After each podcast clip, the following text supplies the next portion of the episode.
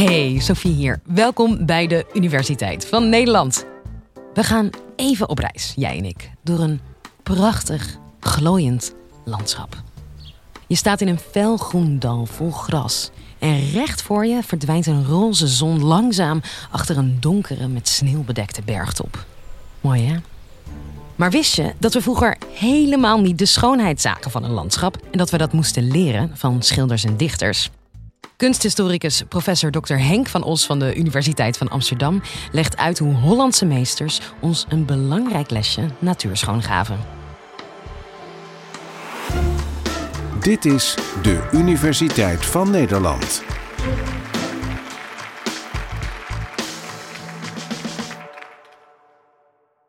Ik wilde jullie een uh, verhaaltje vertellen. En dat verhaaltje is uit 1628. En dat verhaaltje heeft mij de ogen geopend. Of liever gezegd, mijn leermeester Henk Schulte-Nortold heeft met dat verhaaltje mijn ogen geopend voor landschapsschilderkunst. Er is een schilder in Antwerpen en die zit uh, te schilderen. En er komt een vriend van hem binnen. Dus ik ben de schilder, daar komt die vriend, hij zit zo te schilderen. En die vriend is helemaal in opwinding. En die zegt, ik ben zo geroerd door het landschap. Ik ben zo aangegrepen door het landschap van de Ardennen, waar ik voor het eerst van mijn leven ben geweest. Nou, vertel maar, zegt die schilder. En hij neemt een nieuw doek en hij begint te schilderen. En die vriend gaat vertellen over diepe dalen, over de rivier de Maas, die kronkelt in de diepte, over watervallen, over weilanden, over van alles. Hij vertelt maar door. De Ardennen. En dan op een gegeven moment, dan draait die schilder zijn ezel om en die zegt tegen die man, was het daar?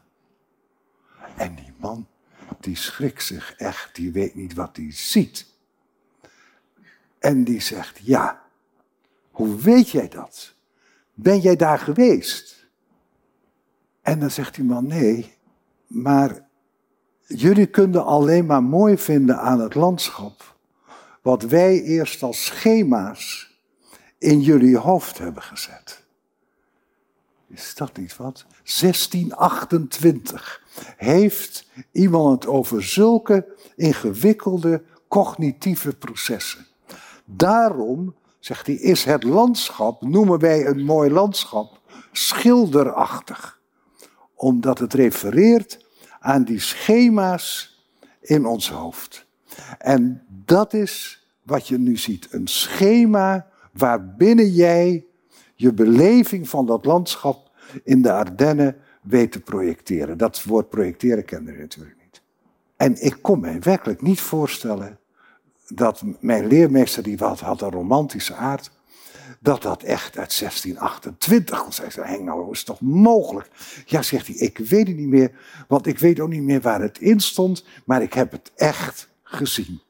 En toen een aantal jaren later, toen lag hij uh, langzamerhand te sterven.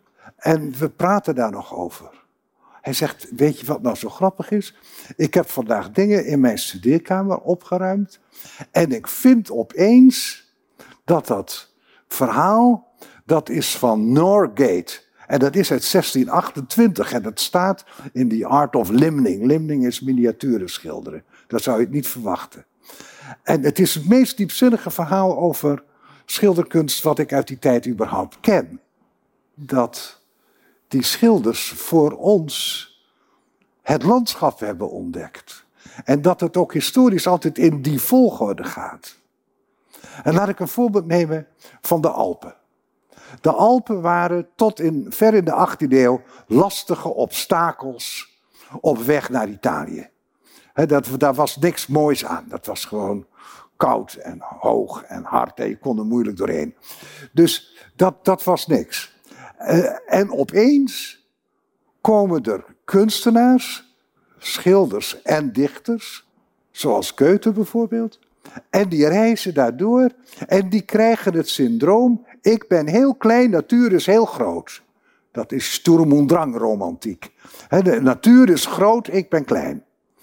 En opeens krijgen die Alpen een historische en vooral een esthetische betekenis. En opeens komen er dan schilders die van die kleine piepfiguurtjes maken. Van die hele hoge teufelsbrukken en weet ik wat. En na de ontdekking van de Alpen door die intellectuele bovenlaag, daarna komen er gymnastiekvereinen. die gingen wandelen in de Alpen. Dat was ontzettend stoer in die tijd. En zo ging het door. En het wordt steeds groter. Steeds groter. Tot je eindigt met de OAT-bus. Dat is dan de, laatste fase, mag je hopen. En, uh, dus, en dat fenomeen, dat heet gezonkenes cultuurgoed. Als jullie dat van, van, vandaag onthouden, dan heb je een prachtig begrip van Max Weber. Dat is, laat ik maar zeggen, Mondriaan op het douchegordijn. En dat is ook gezonkenes cultuurgoed. En dat is dit ook. En dat is dus bij, bij landschapsbeleving kun je echt zien dat het altijd begint bij kunstenaars. En voor ons in Nederland, wij zijn het land wat het eerste een echte landschapsschilderkunsttraditie had, telt dat op een hele grappige manier. En nu wou ik een verhaaltje over mijn eigen herinnering vertellen. Want ik doe er zo druk over, omdat ik zelf weet wat het betekent dat kunstenaars jouw landschappen, natuur mooi leren vinden. Dat doen ze door framing. Dat doen ze door een stuk natuur als het ware te voorzien van een lijst. Er is een prachtig eh, beeld van Isaac Genken in Middelheim, die in de natuur alleen een lijst heeft neergezet. En dan ben je opeens bewust, dat is wat het landschap maakt tot een domein voor esthetische beleving, zal ik maar zeggen. Framing. En organisatie van de compositie binnen in die framing. Nou, het, ik kom uh, reusachtig uit Groningen en daar ben ik ook heel trots op. Maar ik moest er ook steeds blijven, want ik kreeg daar ontzettend leuke banen en dingen. En uh, toen uh, in 63, toen dacht ik, nu ga ik eindelijk weg.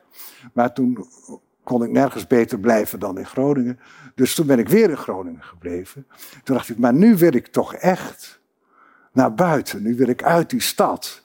Toen ben ik ten noorden van Groningen gaan wonen. En ik kan jullie vertellen, in de jaren 60, ten noorden van Groningen gewoond, dan was je echt getikt. En te beginnen bij mijn ouders die dat vonden. En vervolgens, eh, toen ik daar mijn vrouw trouwde mijn schoonouders en, en, mijn broertjes, mijn zusjes en de hele wereld. Allemaal aan de universiteit, aan het Instituut voor Kunstgeschiedenis.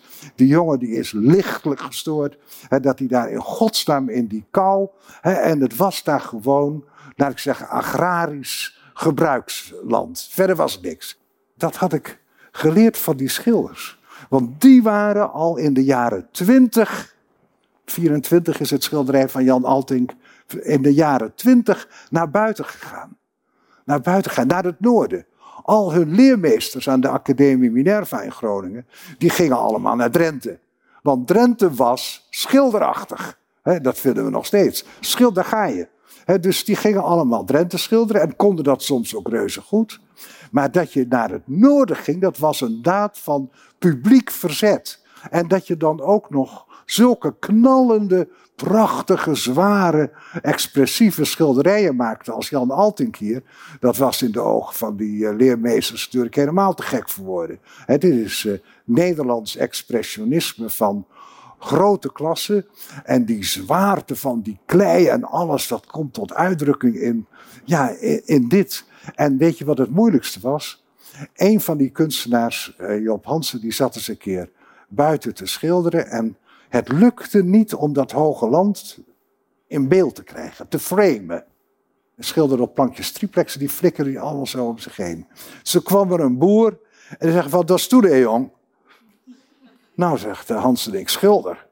Wat schilders toe dan? Ik schilder roemte, zei Job Hansen. Ik schilder ruimte, dit in vertaling. Uh, uh, en dat is het moeilijkste wat er is. En dat was fantastisch, de jaren twintig, toen die Groninger schilders daar gewoon een nieuwe wereld ontdekten. Niet alleen voor zichzelf, maar ook voor ons. In ieder geval voor mij. Dat was zo bijzonder en het was ook een heel klein clubje.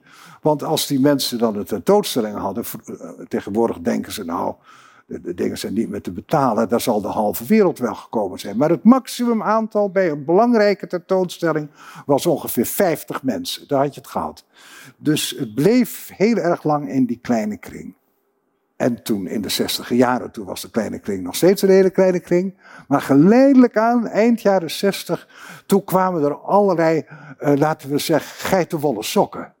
Geitenwolle sokken, die moesten ergens heen waar het aan goedkoop wonen was. Nou, het was extreem goedkoop wonen, want niemand wou er wonen. Uh, dus dat was, dat was al wat, het was goedkoop wonen.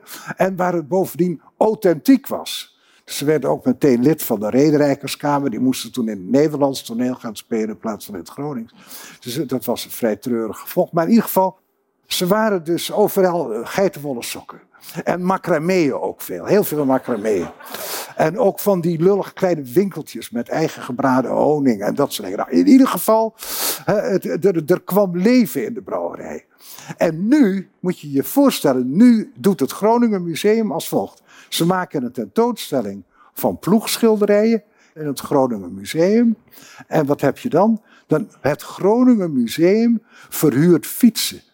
Om eerst naar de kunst te kijken en dan op de fiets het Groningerland in. Kijk, als die man van dat verhaal uit 1628 dat had mogen meemaken, en dan had hij begrepen wat het primaat van de schilderkunst is voor de landschapskunst. Dank je, Henk van Os. Hey, en volgende keer als ik door de polder fiets, stop ik gewoon een lijst in mijn fietstassen en zet ik die af en toe ergens neer. Jij bedankt voor het luisteren en tot de volgende.